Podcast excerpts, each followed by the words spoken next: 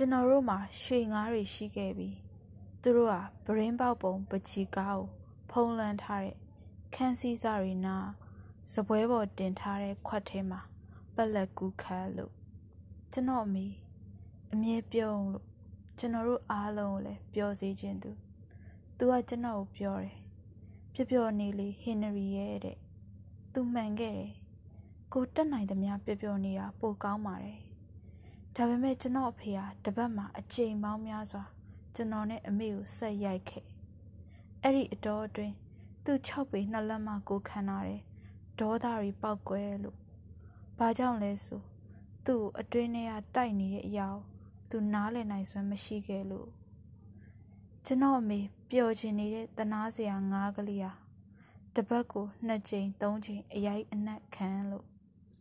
ကျွန်တော်ကိုပျော်ပျော်နေဖို့ပြောရင် ဟင်နရီပြုံးလေဘာကြောင့်မင်းအမြဲမပြုံးမဲနေနေရတာလဲအဲ့ဒီနောက်သူပြုံးပြမယ်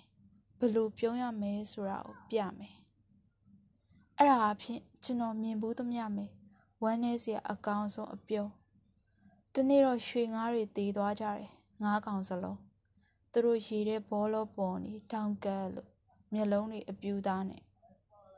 ကျွန်တော်ဖေအိမ်ပြန်ရောက်လာတော့ငါးတွေကိုကြောင်ကျွေးပြလိုက်တယ်